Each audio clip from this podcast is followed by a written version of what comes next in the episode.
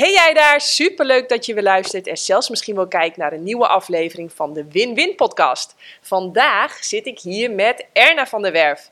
En ja, ik verheug me echt ontzettend op dit gesprek. Erna is begonnen als hapnotherapeut, zeg ik dat goed? Hypno. Hypno. Hypnotherapeut, dat is weer wat anders, hè? En ehm, is eh reiki-meester. Ze is ook psychica-facilitator. Jeetje, wat een moeilijke woorden allemaal. maar het belangrijkste, ik ben iedere dag zo ongelooflijk blij en dankbaar dat Erna in ons team zit. Om, ja, om wat ze kan, maar ook vooral om wie ze is. Dus ja, ik heb er heel veel zin in. Voor jou, vind je het werk wat ik maak gaaf? Bijvoorbeeld deze podcastshow of de blogs die ik schrijf. Die zijn gratis en die blijven ook gratis. Maar je kunt naar jannekevandermeulen.nl gaan en dan zoeken naar de knop doneren. En zo je energie in ons steken, eh, zodat we dit werk voort kunnen zetten. Yes! Welkom!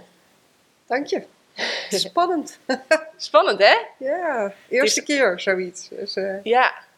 Ja, het is altijd spannend. En, ehm, en, en waarom vind je het spannend? Nou, wat mijn grootste angst is, is dat ik te serieus ga zijn. Dat ik heel serieus, ja, nee, zo zit het. En, nee, eh, dat hoop Ja. ik te vermijden. Ja, nou ja, we hadden het er net al even over, maar vol, ik noem het altijd serieus. Maar volgens mij is dat, dat serieus doen, dat begint een beetje een volksziekte te worden, wat mij betreft. Dat, dat, ja, we nemen alles zo serieus en we willen zo graag goed doen en het moet zo perfect en we mogen zo geen fouten maken. Ja, het ramt alle het enthousiasme en spel en plezier en levendigheid er volgens mij uit. Ja, en of het nou, ik weet niet of het een volksziekte is. Ik denk dat het een menselijke ziekte is. Angst voor de toekomst, eh, gelijk willen hebben. eh, er, er is zoveel gaande waar mensen ja, steeds meer, oh god, oh god, oh god. En ja, serieus worden, serieus. Ja, Yes. Auw, auw. Ja. Oké, dus Goed, het, het, voorne- dus het voornemen is dat we er een luchtige, vrolijke show van maken. Waarin we gewoon gaan delen. Ja. Wat wij, waar wij, waar, waarvan, ja, waarvan wij op dit moment denken ja, dat het waarheid is. Maar ja, dat weten we natuurlijk ook nooit zeker. Wat is überhaupt waarheid? Precies. En woorden zijn altijd maar ja, richtingaanwijzers richting de waarheid. Maar een woord zelf is ook nooit waarheid. Ik bedoel, een woord heeft ook altijd weer een ander woord nodig om uitgelegd te worden. Dus we doen gewoon ons best en eh, ja, we Met proberen... plezier. Met plezier. ja, leuk. Leuk. Ehm, Erna, zou je het leuk vinden om eens even te vertellen van, eh, nou, waar ben je geboren? Uit wat voor gezin kom je? eh, hoe is het zo gelopen? Het, het verhaaltje. Oké, ehm, ik ben geboren in Eefde. Dat ligt bij Gorsel, eh, vlakbij Zutphen. En ehm, uit eh, vijf kinderen.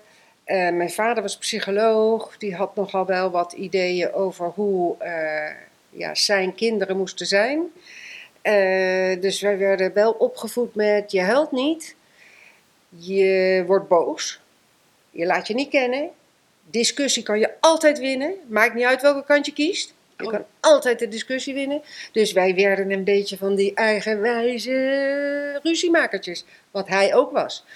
Tenminste, misschien niet allemaal, maar ik zeker. En laat ik niet voor de andere zus en broer praten. Ehm, ja, en, maar wat hij ons ook leerde, en daar heb ik heel veel aan gehad, is je laat je niet door je angst overheersen. De angst neem je aan de hand en dan doe je het toch. En dat heeft mij echt geholpen in mijn leven om gewoon maar weer elke keer iets nieuws uit te proberen. Want ik was best wel een scheiterd. Wauw. Ja. Volle angst vooruit. Ja.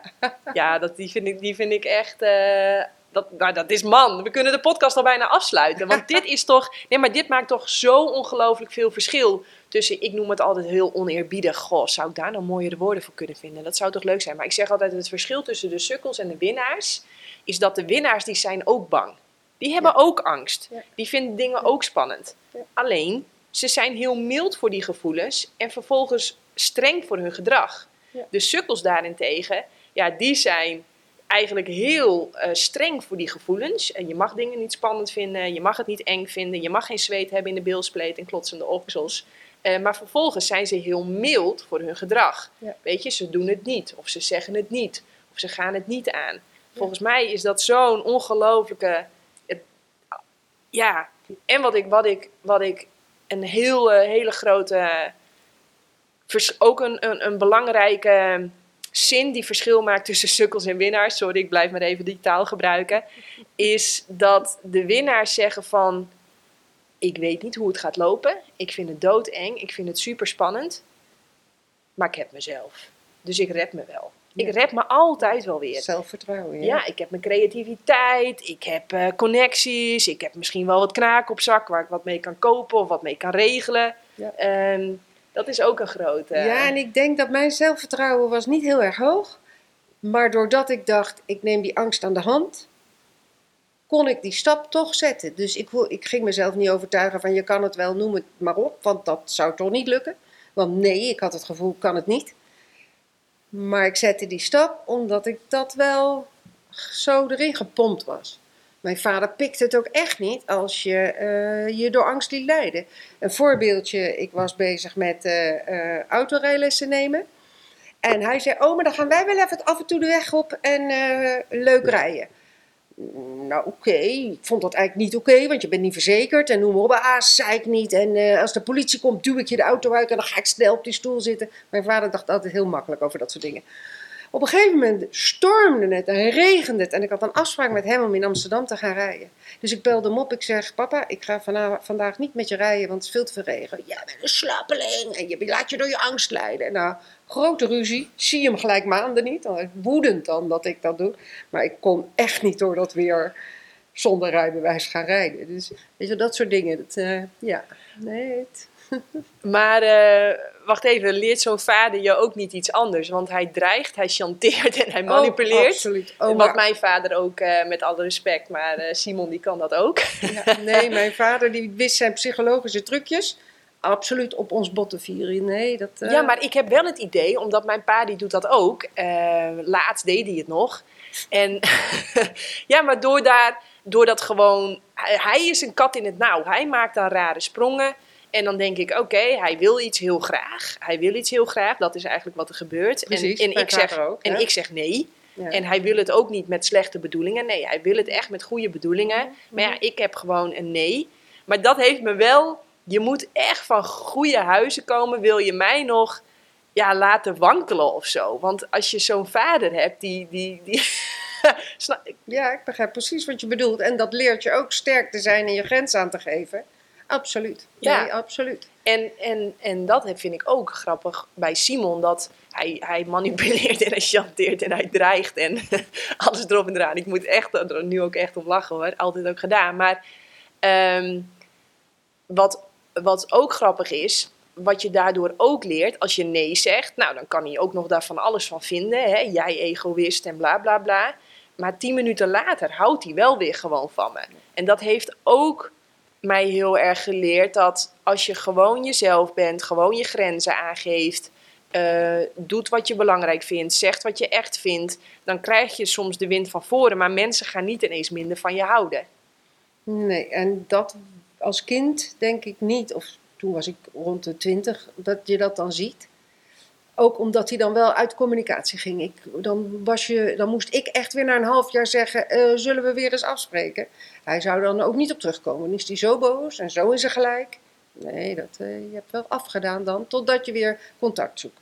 En dan gaat het weer een tijdje, totdat er weer iets gebeurt. En dan gaat hij direct weer uit communicatie. Oh, en leeft je vader nu nog? Nee, Nee. nee, die is al iets van 15 jaar, 2009 is die overleden. Maar je hebt dus van hem geleerd eh, grenzen aangeven, je angst aan de hand nemen. Hoe doe je dat, je angst aan de hand nemen?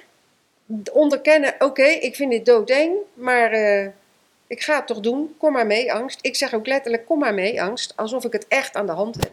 In plaats van, oh god, wat ga ik met z'n wachten staan? Nee, dan is het ook echt hier, hè? Dus aan de hand. Dus de angst zit opeens ook naast me, veel lager. En dan, nou ja, en vaak is het dan allemaal niet zo eng. En dan valt ook altijd reuze mee dan. Maar ik kan me ook voorstellen dat ehm, mijn moeder die werkt in het ziekenhuis. En ik zei altijd al voor niks. Nou, dat noemen ze natuurlijk een ziekenhuis. nou, daar wilde ik dus echt niks mee te maken hebben. Terwijl ik aan de andere kant wel heel veel fascinatie heb voor de mens, voor het lichaam. Maar ja, mijn moeder werkte daar. En ja, wat mijn moeder deed, dat deed ik dus absoluut niet. Dus ik ben eh, en bedrijfskunde gaan studeren. Want ik wilde mijn eigen bedrijf. Mhm. Hoe is dat bij jou gegaan? Want je moet op een gegeven moment studie kiezen. En, en Oh god, nou dat was in de jaren zeventig iets meer een puinhoop dan een studie kiezen. Eh, ten eerste vond ik de middelbare school vond ik vreselijk. Was ik ook zelden te vinden, maar ik had een soort afspraak met mijn moeder. Wat er ook gebeurt, maakt niet op welk niveau, je zorgt dat je een diploma hebt van de middelbare school. Dat was mijn moeders insteek. En mijn moeder was wel heilig voor mij. En dus daar zorgde ik wel voor. Maar zodra ik mijn diploma had, was ik vertrokken. ja, want je, je moeder was psycholoog. Want, eh, Nee, je vader. Mijn, vader sorry. mijn moeder heeft wel psychologie gestudeerd, maar die is zwanger geraakt van mijn vader en is stopgestopt. Ook een zo'n klassieke eh, toestand. Ik denk niet dat ze anders ooit getrouwd zouden zijn geweest als dat niet was gebeurd. Nee, dat was een heel slecht huwelijk. Ze zijn gescheiden toen ik tien was. En eh, nee, dat was allemaal niet prettig. Nee, ik kan ook niet zeggen dat het thuis de sfeer heel goed was. We waren allemaal vrij blij toen mijn vader vertrok. En eh, ja. Maar we deden wel wat mijn moeder zei. Nou had zij niet veel regels. We werden echt opgevoed vrij regelloos. En er was ook een beetje een disco bij ons thuis. De disco van de werf. Weet je wel, daar eh, ging iedereen heen voordat hij ging, eh, uitging. Even drinken daar en dan indrinken. En, ja. Maar, dus met dat, eh, ik dacht ik ga nooit meer naar school. En toen ben ik, eerst een jaar heb ik in Duitsland gezeten. En toen heb ik een tijdje in Scientology gezeten. Wat heb je daar gedaan? In Scientology of in Duitsland? Nou, eh, ja. In Duitsland gewoon een beetje gehangen en eh, niks gedaan. En toen eh, drie jaar in Scientology. En daar heb ik echt discipline geleerd. En daar heb ik ook gezien van, oh, ik kan wel wat. Want dat idee had ik ook helemaal niet. Hè, dat ik ook niks te brengen had. En, en in Scientology groeide ik snel in de organisatie. Wat, wat deed je dan? Ehm, dat, ja, je kan dus lid worden van de kerk en voor de kerk, Scientology-kerk gaan werken. En dan Oh, krijg je alle cursussen gratis. oh ik, ik, sorry, ik weet echt niet waar je het over Oh, hebt. je weet niet wat Scientology is? Nee, nee, nee. Oh, nou, dan ben je één, denk ik, van de weinigen. Oh ja, dat, ja, dat gebeurt vaker. Nee, maar goed, daar hoeven we het verder niet over te hebben. Het is meer, eh, ja, het is een, eh, een secte die zich ook wel die zich bezighoudt met persoonlijke groei. En daar was ik wel geïnteresseerd in. En zij beweerden dat ze de wereld zouden verbeteren. Honger en drugsgebruik en noem maar op, daar zouden zij korte metten mee maken. Dus ik was helemaal, ja, ik was 18 en ik dacht, ja, dat gaan we doen. En, ehm, maar goed, toen ik daar dus uitkwam, en toen had ik een, al een dochtertje, ehm, Yvette. Eh, toen ben ik eigenlijk alleen maar gaan studeren, gaan studeren, gaan studeren. Ik heb de ene studie naar de andere gedaan. Dus ondertussen drie HBO-studies en een universitaire studie. Ik vond het geweldig. Het was alleen de middelbare school waar ik niet goed mee op kon schieten. En eh, ja, daarna, als je je eigen vakken kan kiezen en dingen, ja, heerlijk. En waar, waar heb je voor gekozen? Ehm, eerst heb ik de eh, opleiding gedaan tot lerares Engels op de HBO, Haagse Hogeschool. Daarna de ehm, universitaire opleiding, want ik dacht ik wil liever in het hoger onderwijs. En toen was ik daarmee klaar, dacht ik ik wil helemaal niet onderwijs in. Ik heb helemaal geen zin om een politieagent te spelen. Dus toen ben ik een opleiding gaan doen voor regressietherapeut. Wat is dat? Want ik hoor dat, dat is heel populair op dit moment. Ja, ja dit is dus de hypno-regressie is hetzelfde ding, zeg maar. En Dus wat, wat doe je dan? Wat is dat? Want het trekt mij totaal niet. Nou, het, het heeft ook wel invloed op het onderbewustzijn. Ik- Oké, dus de hypnotherapie, daar moet je echt. Stel je hebt een probleem, dan duiken we in dat probleem en gaan we terug in een soort trance-toestand. En die trance moet je zien, want dat hypno is niet echt onder hypnose, dat je niks meer weet. Het is een soort trance-toestand waarin je naar de eerste keer gaat dat dat probleem gebeurde. Dus wat je moet doen is, je hebt een map, bijvoorbeeld de map jaloezie, en dan ga je in die map kijken naar de eerste keer om het daar op te lossen. Want vaak is het probleem dat je iets ontkend hebt of iets ehm, hebt veranderd aan die gebeurtenis. En dan zou het opgelost moeten zijn. Maar wat doet zich K, wat ik nu dus de afgelopen negen jaar doe, die zegt: We hebben een map jaloezie, hoppa, pakken die map op, gooi hem eruit, zet iets anders erin. Klaar. Dus je hoeft niet meer zo diep te graven. Nou ga ik heel kort door de bocht, want je leert ook met het innerlijk kind werken op zo'n regressieopleiding. Je leert allerlei tools. Dus het is niet alleen maar dat. Wat leerde jij? Wat vond jij echt? Wat, wat, wat gebruik je nog steeds? Eh, innerlijk kindwerk vind ik eh, belangrijk. En ja, ja het, het is wel al, wanneer was het? 1993, dus het is al 30 jaar geleden dat ik die opleiding deed.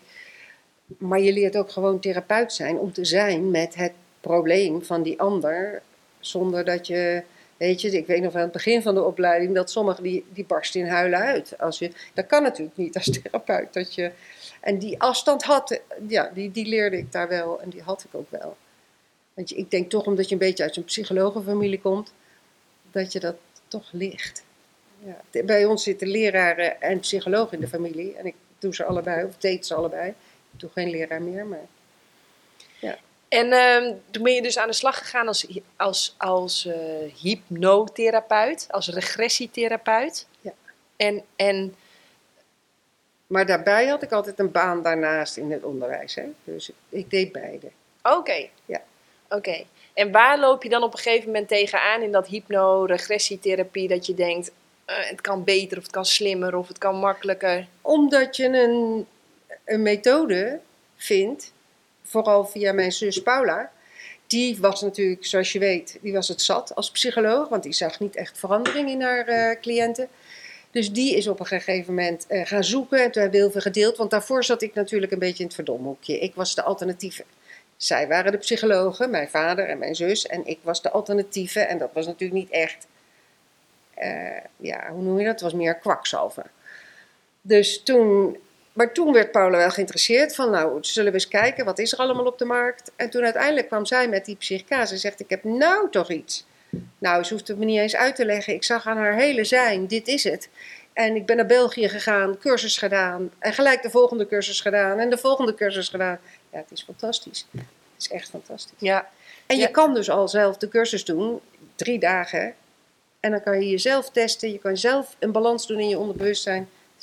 Ja. goud. Ja, even voor als mensen nu denken, "Huh, waar heeft Erna het over? Ik heb een hele ehm, opname gemaakt met Paula, Paula van der Werf, toevallig jouw zus, over psychica. Dus als je meer wil weten over psychica en wat het verschil dan is te- van psychica ten opzichte van bijvoorbeeld regressie of hypno, ja, daar wil ik van jou nog even iets meer van leren. Want op een gegeven moment, je doet nu zelden nog hypno of regressietherapie. Ja. Dus ja, ik ben nog wel nieuwsgierig van, ja, wat, wat wa- ja, waarom dat is, zeg maar. Maar ehm, de aflevering met Paula gaat dus helemaal over eh, psychica. Ja, wij gaan er ook nog heel veel over praten. Maar jij bent dus op een gegeven moment, toen dacht je van, wow, het kan met minder tranen, met minder graven, met minder... eh, Veel effectiever, absoluut. Ja, en ehm, wat ook wel grappig was, want Paul heeft in die, toen we daar zo mee bezig waren, zei ze: Nou, wat heb jij met hypnotherapie allemaal veranderd? Zullen we dat eens testen? En toen gingen we dat testen en toen bleek het nog steeds zwak te testen, of, hè, dat het nog steeds een probleem was. En toen dacht ik wel, ja, dit, want bij psychica test je alles. Of het gelukt is, of het echt in het systeem zit. En als het eenmaal in het systeem zit, dan zit het ook in het systeem. ja, want voor degenen die de eh, podcast met Paula niet hebben geluisterd, wat is psychica? Psychica is een methode om. Psychica staat voor, het is de key to the psyche. De K staat voor de key, de key to the psyche. En het is een methode om in je onderbewustzijn iets te veranderen. Want je bewustzijn is maar 5%, je onderbewustzijn is 95%. Dus je begrijpt wel, als er een probleem is, bewust, die 5% heeft niks eh, in de melk te brokkelen. Het gaat vooral om die 95%. We doen dan eerst testen. En dat spiertesten is niet van psychica, dat is hartstikke oud. Dat wordt in een heleboel eh, ja, eh, methodes wordt dat gebruikt. Je test eerst, is het sterk of zwak? Bijvoorbeeld, ik hou van mezelf. Als dat zwak test, betekent dat dat mijn onderbewustzijn niet gelooft dat, die van mezelf, dat ik van mezelf hou. Dat is natuurlijk heel lastig, want als je het hebt over zelfvertrouwen en dat soort dingen. De eerste dingen die ik altijd met cliënten doe is: ik hou van mezelf, ik vertrouw mezelf, ik accepteer mezelf, ik ben goed zoals ik ben. En dat ding ging uit, is dat oké? Eh, Oh ja, ja dat is oké.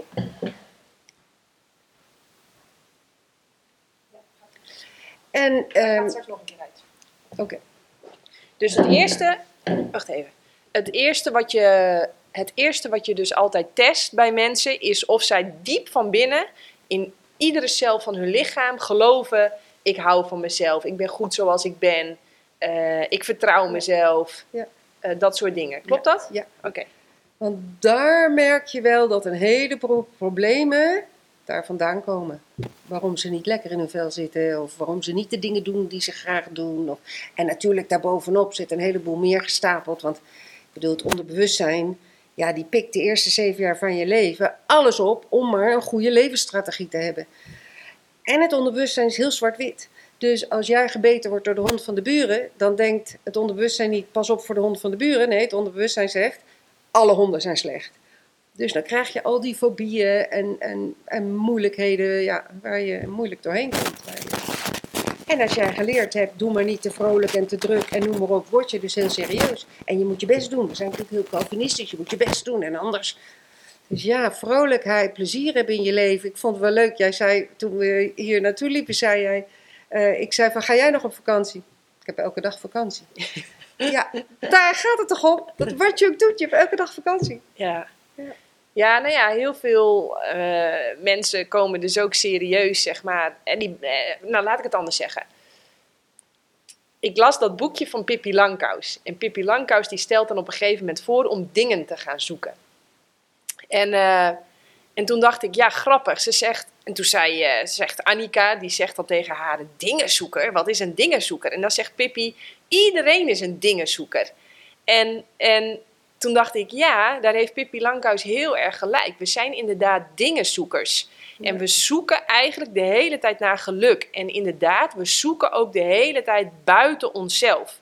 En dat, en dat zien we terug in het als-dan-syndroom. Dus als ik dan die medaille of die diploma of die relatie of die 10 kilo kwijt ben, dan ben mag ik, gelukkig. Dan, dan mag ik tot rust komen en dan ben ik vast gelukkig. En um, maar dat, dat zoeken, dat zoeken, dat zegt eigenlijk indirect, ik zoek iets, want ik heb het dus niet. Hè? Dus je bent de hele tijd, nou, als je je sleutels kwijt bent, dan ga je ook heel verkrant naar je sleutels zoeken. Nou, ik weet niet of je ook wel eens je sleutels kwijt bent, maar als je sleutels kwijt zijn, is KUT. Maar dat, dat zoeken, dat buiten jezelf zoeken, dat vertaalt zich, ja, dat doen we eigenlijk onbewust op heel veel, dat doen we eigenlijk misschien wel non-stop. Ja. En... Um, ja. en ik vind niks mis met zoeken, want daar zit vaak ook een dogma op van, ja, zoekers, dat zijn eigenlijk zielige mensen, want die zijn op zoek naar iets. Ik ben wel zo ongeveer mijn hele leven op zoek geweest naar de, de relatie.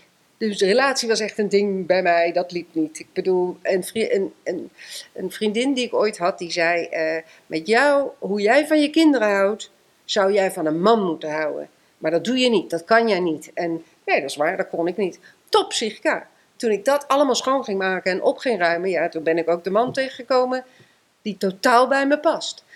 Niet dat die andere mannen slechte mannen waren, zeker niet. Allemaal goede mannen, maar niet voor mij. Maar ik was altijd zo bezig het te laten passen. Zo krampachtig van, nou, ik zal er wel wat van maken, want het is toch een goede vent. Ja, dat gaat niet. Dat gaat gewoon niet. Nee, en, en, en waarom ben je dan in zekere zin, zeg maar, niet tegen dat zoeken? Want dat zoeken, ja, dat zoeken, ja, ik, er zit wel wat krampachtigs in dat zoeken. Ik denk dat ehm, als je meer ontspant en eigenlijk je enige doel maakt om er een leuke, vrolijke dag van te maken, dan hoef je niet zo te zoeken. En dan zul je merken dat je, dat je vanuit die ontspanning ineens veel meer gaat zien. Je vindt je sleutels ook niet als je gestrest aan het zoeken bent. Je sleutels zie je ineens als je denkt, nou fuck you die sleutels ik bedenk wel wat anders en ineens liggen ze daar. Snap je wat ik bedoel? Ik begrijp wat je bedoelt en ik denk, en nu kan ik ook zeggen dat je daarin gelijk hebt, maar ik denk dat mijn zoektocht me wel heel veel gebracht heeft, ook op het spirituele vlak. Dus ik zie, het is maar hoe krampachtig je zoektocht doet. Weet je, in psychica zeggen ze ook, zeg duidelijk wat je wil. Dat, ja, dat heeft toch ook wel te maken met dat als jij gezocht hebt, weet je ook beter wat je wil. Maar ik ben het met je eens dat dat krampachtige zoeken, en het zit ook niet buiten jezelf.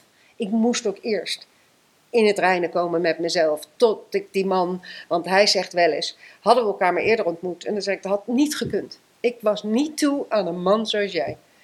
Dus dat zit er ook, weet je. Ja, het zijn ook allemaal spiegels. Ik weet het ook niet. Nee. Zo, zo, zoiets. Ja, nee, het is ook niet dat ik het, ook, dat ik het weet. Maar je probeert natuurlijk wel eens... Ehm, ja, je probeert wel eens, als je een hele lekkere appeltaart hebt gebakken, dan probeer je dat recept soms wel te delen. En mensen vragen er ook naar. Zo van, wow, die appeltaart is lekker, hoe heb je dat gemaakt? Dus, ja, en nu kan ik wel zeggen dat door van, en het is een open deur, van mezelf te houden, door vertrouwen te hebben in mezelf en mijn lijntje met het hoger is hersteld. Ook door een cursus van Psychica, die heette Divine. Dat lijntje is hersteld en toen kwam ik volledig tot rust. Ik had geen vriendje of een man meer nodig En dan zeggen ze ook heel vaak, dan komt hij. Ja, nou, het is waar.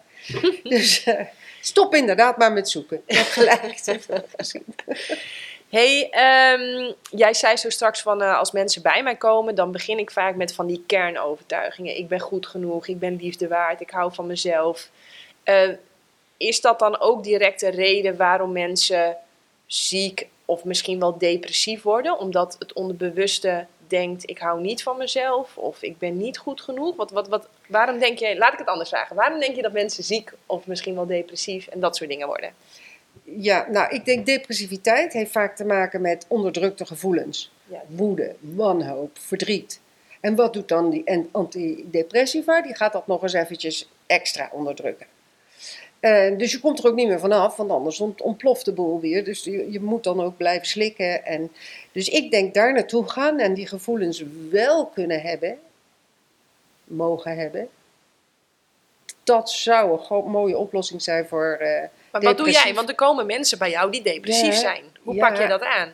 En, en dat, maar vaak laten ze gelijk al horen wat hun overtuigingen zijn. Het zal mij toch wel niet lukken. Ik heb nooit dit. Ik kan niet dat. Ik, ze laten je vanzelf in de eerste paar tien minuten laten ze al al die overtuigingen horen die de oorzaak zijn van hun depressie. Dus ja, dan, dan daar dus in balansen. En ja, het ziek zijn, dat vind ik ook wel een interessante, want ik geloof dat het ziek zijn begint in het spirituele, dan gaat naar het mentale, dan naar het emotionele en dan pas fysiek wordt. Dus wat doen doktoren? Die gaan naar het fysieke lichaam en gaan daar de symptomen bestrijden. Dan denk ik, ja, dat, je bent, wat ben je dan aan het doen? Want dit jasje weer rechtstrijken gaat het innerlijk niet veranderen. En ik geloof dat jij dat ook wel eens gezegd hebt van, we zijn zo bezig met het uiterlijk, we willen graag sporten en goed eten om er goed uit te zien. Maar wat met onze, hoe willen we spiritueel, emotioneel er goed uitzien? Dat is een heel ander verhaal en daar gaan we meestal geen geld aan uitgeven. Terwijl als dat goed zit, dan komt de rest ook wel goed. Want ik was al heel lang bezig op het spirituele pad. Maar pas toen ik jou ontmoette, ik denk nu drie jaar geleden, twee jaar geleden, ben ik echt vegetarisch gaan eten. En nu steeds meer vegan. Nu kan ik het ook. Ik had dat daarvoor ook niet gekund. Je bent dan nog zo met je eigen proces. Dus dat, je moet eerst daar de boel recht zetten. Wil het ook in het lichamelijke recht gezet kunnen worden. En anders ga je dood. Ook prima, dat is de grote transformator. Dan ga je op die manier je weg wel. Dus je komt er wel, dat geloof ik wel. Maar Hé, hey, maar eh, super hoe je dat zegt. Dus het ziek worden begint volgens jou bij het spirituele. Wat, wat, dan wat, krijg je boodschappen. Dan word je al gewaarschuwd. Maar vaak via dromen of dingen. Maar we luisteren niet. Weet je dat er iets veranderd moet worden. Stel dat ik hele erge ruzie heb met mijn moeder. In mijn dromen wordt al duidelijk wat ik misschien zou kunnen doen en ik doe het niet. Mentaal. ah, En ik later. Ah, en dan ga je daar helemaal in op. En dan de emoties. En uiteindelijk als je niks doet en het blijft maar hangen. Ja, uiteindelijk word je ziek. Of depressief. Want je onderdrukt het. En dus moet je terug die ladder op om te zoeken van wat is het. Waardoor ik deze depressie heb, ziekte heb. Ja. ja, ik denk zelfs dat als jij alleen maar op het fysieke niveau blijft eh, behandelen, maar je groeit niet in bewustzijn, dan, dan, ja, dan, dan wordt het van een kastje naar de muur en dan, ja, dan kom je er niet uit. Ik denk Nee. dat alles valt of staat met bewustzijn. En ik zie spiritualiteit als niks anders dan vertrouwen hebben in jezelf, in de ander en in het grotere. Het gaat constant weer om vertrouwen, ontspannen, overgave. Absoluut. Veiligheid. Veiligheid ook, want we voelen ook ons allemaal heel erg onveilig. Want je wordt al heel vroeg verteld: ja, maar als jij dit en dit doet, dan ben jij niet lief, hè? Niet je doet niet lief, nee, je bent niet lief. Oh boy, dan moeten we daarop letten. Op school fouten maken, van fouten leren. No way, dikke streep er doorheen. Dus je wordt niet geleerd om van jezelf te houden, om fouten te mogen maken, om inderdaad vertrouwen te hebben. Ze houden toch wel van me. En wat je dan gaat krijgen is weerstand. Volgens mij is alles weerstand en perceptie. Dus wat gebeurt er? Ik heb bijvoorbeeld weerstand tegen iets. En vervolgens gaat mijn gedrag gaat daarop inspelen. En dus ga ik de dingen zo zien. Als voorbeeldje, eh, als jij eh, eh, bijvoorbeeld denkt dat alle mensen onaardig zijn. Dat, dat heb jij gemerkt in je jeugd. Ze deden niet aardig tegen je papa en je mama. En ook niet eigenlijk tegen jou, want jij ging je steeds norser opstellen tegen die mensen. Dus wat gebeurt er? Jij krijgt weerstand tegen mensen. Je gaat je nors opstellen. Dat is je houding. Vervolgens gaan die mensen nog norser doen en zeggen zie je wel, mijn perceptie klopt. Ze zijn niet te vertrouwen, ze zijn niet aardig. Totdat je dat verandert. Op het moment dat je denkt mensen zijn aardig, ga jij heel anders mensen bejegenen. En gaan die mensen jou anders bejegenen. Denk, zie je wel, ze zijn wel aardig. Ja, ja dus, wat je, dus, dus dat je, je de uiterlijke wereld een reflectie is van je innerlijke wereld. Ja, En dat je absoluut. eigenlijk niks anders ziet dan een afspiegeling van hoe jij over de wereld denkt. Dus dat, dat alles wat je ziet en alles wat je overkomt, ja, dat is dus toch weer het resultaat van je overtuigingen. Ja, Het is absoluut. bizar, en het gaat, hè? En het gaat ver, want de laatste negen jaar zie ik steeds meer hoe ver dat gaat. Dat je echt wat recht voor je neus ligt, zie je gewoon niet. Zie je gewoon niet. Omdat je het niet gelooft. Het is, het is gewoon echt bizar hoe ver dat gaat. Ja, het is echt bizar. Ja, ik kan een heel stom voorbeeld geven. Graag. Ik heb een van mijn dochters, die heeft eh, twee eh, kinderen. En die heeft natuurlijk foto's aan de muur van die twee kinderen. En eh, op een gegeven moment zag ik opa, mijn ex, daar wel hangen, maar mezelf niet. Dus ik zeg, goh, eh, oma hoeft niet aan de muur. En eh, oh ja, ja, nou ja, het ging maar om dat die kinderen stonden er leuk op. Zij nog een beetje proberen het goed te praten, want het is toch wel lullig voor oma. En ehm, toen heeft ze dat daarna gecorrigeerd. Maar ze is verhuisd en toen had ze allemaal foto's in de keuken. En het eerste wat ik dacht, ik zal er wel niet tussen hangen. Heel flauw natuurlijk. En ik kijk en ik zie mezelf niet. Een uur later kijk ik weer en ik hang er wel tussen. Dus zo ver gaat het. Ik zal er wel niet tussen ik zie het niet. En dit is natuurlijk een heel stom fysiek, maar juist omdat het zo fysiek is, kan je zien. En dan gaat het met over alles. Als ik denk, nou jij zal wel, dan ga ik daarop reageren. Onbewust zit ik me schrap. Oh nou, Janneke zal wel hele moeilijke dingen gaan. Oké, nou, eh, kom maar op, vertel. Whatever het is. Ja, ja, We zijn zo voor geprogrammeerd om al bepaalde dingen te denken. Het is ongelooflijk. Ja, bizar. Dus, dus stel je voor, je drukt hierna de podcast uit. Dan is de belangrijkste takeaway dat je een product bent eigenlijk van je overtuigingen. En dat die overtuigingen, Kunnen veranderen. Want dat kan nu. Ja, En dat, kon niet. Maar nee. dat kan nu Ja, oké. dus dat is, dat, is, dat, is, dat is de hope message. Ja, want wat er ingestopt is voor je zevende kan je niks aan doen. Maar het opschonen en het nou eruit gooien en weer goed maken van je onderbewustzijn, daar kan je wel wat aan doen. Ja, En je hoeft niet jaren naar een therapeut daarvoor. Doe de cursus. Ga gewoon naar de basiscursus die Paula geeft. Zij is de enige in Nederland die deze cursus geeft. Ga naar de basiscursus. Het kost je 1000 euro. Drie dagen ben je bezig en je leert twee balansen. Je leert eh, jezelf testen en anderen testen. Het is goud. Er Ja, is geen vakantie die er tegenop kan. Nee, nee, nee. Maar eh, we, we zijn geen telcelprogramma, ik geloof het. Maar waar het mij om gaat is, ik had ook even nodig om te realiseren van mijn onderbewuste is wat mijn leven bepaalt. Mhm. Eh, ik kan me voorstellen dat ik had dat en met mij nog heel veel andere mensen, dat ze denken, mijn onderbewuste, hallo, ik heb gewoon keuzevrijheid. Ik ben degene die beslis. En ik bepaal mijn leven en ik bepaal welke afslag ik neem. Totdat je merkt van, hmm, in the heat of the moment lijkt het wel alsof toch niet ik achter het roer sta. En dat het toch een grotere machtkracht is die het overneemt. Maar dat, dat, dat moet wel even doorklinken. Ja. Dat, dat, Nee, en daar heb je helemaal gelijk in. Ik ben wat dat betreft altijd een beetje. Ik doe dit natuurlijk al 30 jaar, dus voor mij is het gesneden koek. Dus veel te snel door de bocht. Dat is waar. Maar wat we allemaal wel kunnen zien, is dat elke keer in ons leven komen dezelfde dingen terug. Nou, dan kan je toch wel eens afvragen waarom. Want zo dom ben je niet dat je dat steeds weer expres doet. Dus blijkbaar is er iets dat ons stuurt waar we echt geen invloed op hebben. En natuurlijk wil iedereen van zichzelf houden. En baalt iedereen ervan dat blijkbaar voelen ze zich toch niet goed genoeg. En daar kan nu wat gedaan worden. Ja. Het is zo simpel om het op te lossen. ja, Dat ik iedereen zou willen toeroepen, doe het, doe het, doe het. Ja, Ook al zou het maar één, oké, ga niet de cursus doen. Doe een sessie. Doe één sessie, om dat in ieder geval al, zodat je blij bent met jezelf. ja. Dat is zo belangrijk. Ja.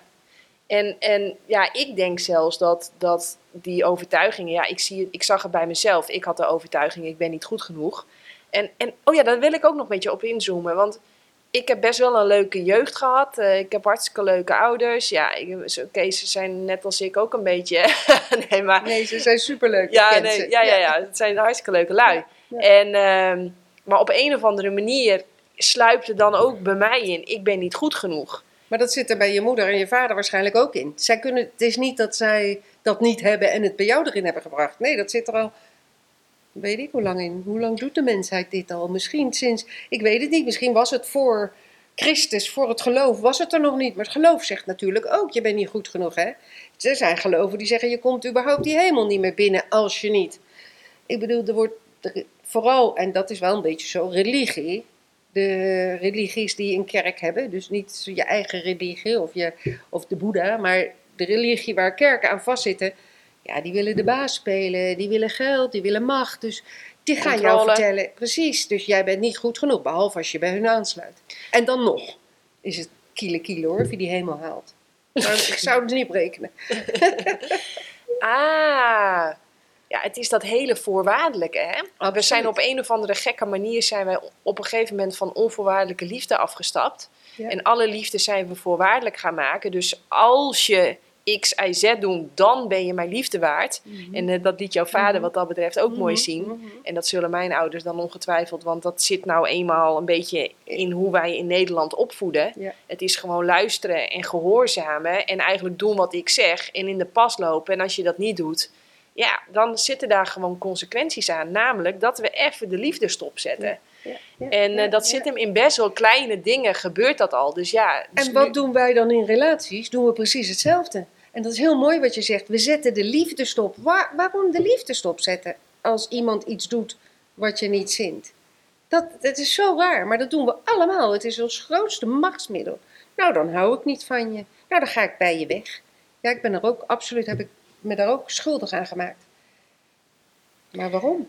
Ja, ja, dus dat, dat, ja, maar dat, oh, dit is ook zo eentje. Want ik, ik ben natuurlijk, hè, wij hebben Duitse, die is nu net twee geworden.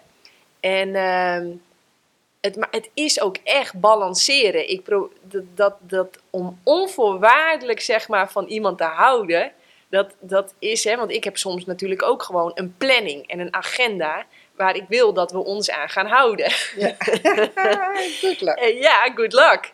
En dan, en dan ehm, dus het, het is ook echt een, een puzzel, zeg maar, vind ik, om... om Maar je blijft wel van haar houden. Het Ja. is dat je dan misschien even kortaf bent en nou even snel die schoenen aan of wat dan ook. Is niet direct de liefde terugnemen. Maar zeggen, ja, maar zo doe je mama wel heel veel pijn. En eh, ja, of, of nog erger, hè? Ik bedoel, ik heb ook erger gehoord dan dat. Dan, dat ja, dan houdt mama niet van je. Ja, dat is vreselijk. Vreselijk als dat gebeurt. ja, Emotionele blackmail is eigenlijk het, eh, een van de ergste dingen die je kinderen kunt aandoen. Emotionele blackmail. Ja, dus dan houdt mama niet meer van je, of dan ben je niet meer lief, eh, dan doe je mama heel veel pijn. Ja, ik zou eigenlijk willen dat je niet geboren was, want je bent zo moeilijk. Dat soort dingen. Oké, ja, we zeggen het nu lachend, maar eh, Nee, ja, is dat is pijnlijk. ja, emotionele chantage. Ja, dan ga je die liefde voorwaardelijk maken. Ja, ik zie het gewoon terug in veel simpelere dingen. Eh, als jij je niet gedraagt, als jij je niet aan de regels houdt, als jij eigenlijk niet doet wat ik zeg, dan eh, krijg je of een time-out, of eh, ja, dan wil ik niet met je knuffelen, of als je boos of verdrietig bent, ja, daar hebben we hier ook gewoon geen tijd voor. Stoppen met huilen, stoppen met. Hè, dus we zijn iemand de hele tijd. Aan het kneden, zoals wij denken dat het het beste is. Zoals je zelf ook bent opgevoed, hè? Want dat Ja. is dat achterliggende. Maar Ja. ja, dat moet veranderen. hey, en, En het verandert al, denk ik. De kinderen zelf veranderen ook. Kinderen pikken dat niet meer. Het is aan het veranderen. ja, Ja, absoluut. Oh, dat, dat, dat geloof ik. Ja. Dat geloof ik. hey, en ehm, ehm, jij, jij, jij vertelde zo straks dat je ehm, een, dan bij Psychica, dan heb je de basiscursus. Hoe vaak heb je die gedaan? Drie keer. En dan heb je, Dan krijg je de Advanced. Die heb ik twee keer gedaan. Dan heb je de Divine, krijg je dan vervolgens gratis van Psychica. Dat is een weekend dat je echt je relatie met het hogere herstelt. En de Health and Wellness. En dan heb je nog de Pro. En ja, daar leer je weer van alles en ook hoe je een eigen business opzet en noem maar op. Maar goed, dat had ik al. En dan de health and wellness, dat heet nu de health and well-being. Is, ehm, is fantastisch. Daar leer je echt nog meer eh, eh, balansen, maar ook spelen met psychica. Dus veel mensen vinden de basis een beetje ja, erg protocolgericht. Maar de health and well-being leert je dan spelen. En die heb ik drie keer gedaan. Het is echt fantastisch. En, en, en kijk, eh, iedere topsporter weet, herhaling is de moeder van vakmanschap. Dus is dat, waarom herhaal jij, herhaal jij, herhaal jij? Ja, omdat als je in die cursus zit, daarom doen ze die herhalingen ook. Eh, want die is veel goedkoper om te herhalen. Omdat je zit zoveel in je onderbewustzijn terwijl je de eerste cursus doet. Of terwijl je de cursus doet. Want je bent op jezelf en op anderen aan het oefenen. Dus je zit heel veel in je onderbewustzijn. Dus je krijgt niet alles mee. Dus de tweede keer denk je, dat werd de eerste keer ik tegen Paula. Dat werd mij helemaal niet verteld de eerste keer. Jawel, dat werd jou wel verteld, maar dat ben je weer vergeten. Dus die herhaling is super belangrijk om steeds dieper, beter die hele psychica in de vingers te krijgen. En ik kan ook zeggen nu, ik heb net in mei weer de Health and Wellbeing voor de derde keer gedaan. Ja, het, zit, het is nu zo simpel, zo eenvoudig, krachtig, efficiënt. Ja. Want je gaat zelf toch een beetje je ermee bemoeien. Weet je wel, ja, maar ik voel dit, denk dit, zullen we dit en dit doen? Nee, jouw onderbewustzijn vertelt mij wat je nodig hebt. Daar moet ik naar luisteren. En dat heb ik nu weer zo duidelijk gezien. Is zo krachtig. Ja. Prachtig. Ja. ja. ja. Ja, het klinkt echt als een topsporter, want dat is hetzelfde roeien. Dat leer je eigenlijk ook een beetje vanuit je hoofd. Hè? Je moet je in het begin aan het protocol houden en aan de regels houden. Zo leer je volgens mij overal goed in worden. Je begint altijd vanuit je hoofd, regels, structuur, protocollen. Uh, je intuïtie staat eigenlijk een beetje buitenspel, want het is gewoon uh, doen wat je moet doen. Mhm. Dat heel vaak doen. En dan op een gegeven moment, ja, dan kun je naar de wedstrijd en dan heb je het zoveel tientallen jaren en zoveel trainingen en zo iedere dag geoefend. Ja, dan ineens kan je op intuïtie. Dan ineens kan je voelen, kan je spelen. Ja. Ik, maar wat, wat, wat ik heel veel zie gebeuren is dat mensen tegenwoordig heel erg aan het shoppen zijn. Dus uh, even dit en even dat en even zus en even zo. En hmm. het, uh, dan, dan heb je wel zeg maar veel. Uh, in de breedte? Wel in de breedte, ja, maar in de diepte liggen altijd die schatten. Dus ik denk, doe één ding heel goed in plaats van twintig dingen half. Um, ja, maar dan moet je daar wel door gegrepen zijn. Ik was ook altijd heel erg van, ik wist van een heleboel dingen een beetje. Ik ben ook een tweeling van de astrologie, dus die zijn een beetje zo. Maar als ik echt gegrepen word, ja, dan ga ik de diepte in. Iemand zei ooit, als jij van een schrijver houdt, dan stop je pas als die schrijver dood is. En dat klopt. dus, maar ja, dat, dan moet je wel gegrepen zijn. Want je kan niet tegen iemand zeggen, ja, maar nou heb jij dit, ga de diepte maar in en blijf hier maar bij. Nee, als ik medicijnen ga studeren en ik vind het niks, moet ik toch kunnen switchen. Ja, ja, ja, ja. mooi, mooi. Hele mooie nuance. Nee, dat is ook zo. Dat is ook zo, want ik was natuurlijk ook zoeken, zoeken, zoeken, totdat ik bijvoorbeeld bij Psychica kwam. Ja, weet je, dat is echt thuiskomen. Dan denk je, wow, pas zo bij me, lekker snel, lekker efficiënt, lekker veel resultaat, klaar. Of bij Eckhart Tolle. Ik had ook echt het idee... Oh, ik ook. Ja, ben ik ook een paar keer naartoe geweest. Ik heb hem drie of vier keer gezien. Oh, geweldig. Ja, ja, maar ik heb echt het idee van... met de minste woorden en in de minste tijd wijst hij het beste, in mijn opinie, naar de waarheid. Zo voelt dat dan. Ja. En, en dan beslis ik, besluit ik om zulke boeken over en over again te gaan lezen en luisteren. Ja, want wat ik heel goed vind aan The Power of Now, is dat terwijl je het leest, word je in het, now in het, in het nu gezet. En voel je die power. Denk, dat is knap. Als jij zo kan schrijven over iets dat jou direct daar zet, daar neerzet en dat gevoel geeft, ja, dat is knap. Nou, dat, ja, dat is, ja, grappig dat jij dat knap doet. Ik heb altijd het idee, zodra iets richting de waarheid gaat en de bullshit gaat er vanaf, dan kom je ook tot rust. Dan voel je ook die vrede. Dus zodra jij bij het lezen of het luisteren naar iets vrede voelt, rust voelt, ehm, ja, dan zit het blijkbaar dicht bij de waarheid of zo. Ja. ja. ja. Hey, wat ik ook uh, ontzettend interessant vind, is je bent reiki-meester. Ja, nou, reiki-meesters zijn meestal degene die ook de cursus geven. Dus mensen inwijden in reiki. En nou doe ik dat wel, maar alleen maar als dat toevallig op mijn pad komt. Uh, maar ik geef heel veel reiki aan mensen, dieren en uh, wel dagelijks. En soms wel drie keer per dag voor mensen die. En dan, je wordt door de een naar de ander gebeld van kan je me rijken sturen. Ook mijn kinderen en de kleinkinderen. En, en ja, dat is Maar wat heel is, eh, apart. Dat, ja, dat is heel apart. Wat, eh, wat, wat, wat is Reiki? Reiki is eh, officieel de universele liefdesenergie. En wij schijnen een kanaal te hebben die dus helend werkt op alle niveaus. Wij schijnen een kanaal te hebben die door onze jaren, wat we meemaken, dichtslipt. Wat doet een Reiki-meester die samen met de grote Reiki-meester, want jij doet het niet, ik ben ook maar een doorgeefkanaal. Je initieert iemand waardoor dat kanaal schoongemaakt wordt, waardoor diegene weer reiki kan sturen. Dat doe je dus met je handen. Het is niet je eigen energie. Het is dus geen magnetisme. Het is reiki. Het is energie die door jou heen stroomt naar waar jij het ook maar wil hebben.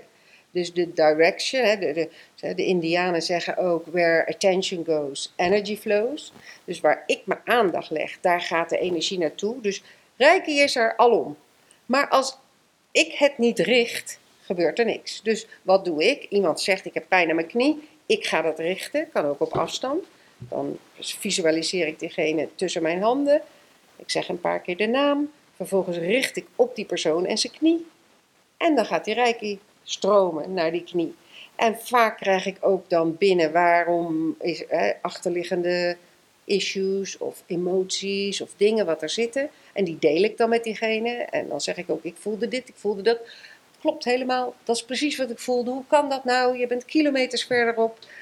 Maar dat, zo werkt Reiki. Alles is energie. Alles. Dus als alles energie is, dan is het ook echt aan ons om niet de hele tijd dit te doen tegen die energie. Want we zitten alleen maar te duwen. En dan gaat die energie terugduwen. Gebeurt er niks. Laten we het nou maar gewoon ontvangen. Dan is alles er. En zoals je zelf net zei, alles is er ook werkelijk.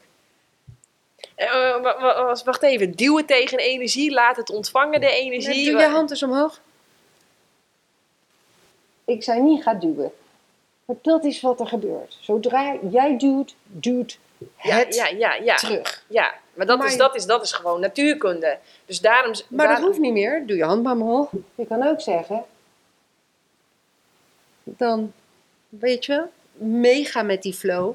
Loslaten, niet tegen die energie ingaan, maar die energie Ja. gebruiken. Wat ze in, hoe heet dat, Qigong, en doen ze dat toch ook? Je gebruikt de energie van de ander. Je gaat niet terugduwen. Je neemt die energie en Bedoel je, bedoel je hiermee te zeggen dat. eh, en, en ik kan me voorstellen dat het in mijn blogs ook wel eens zo doorklinkt. Maar dat je heel erg gaat zeggen: ik wil dit van het leven, ik wil dat van het leven. Maar dat je het om gaat draaien: wat wil het leven van mij? Dat je iets meer achterover leunt, dat je iets meer meedanst.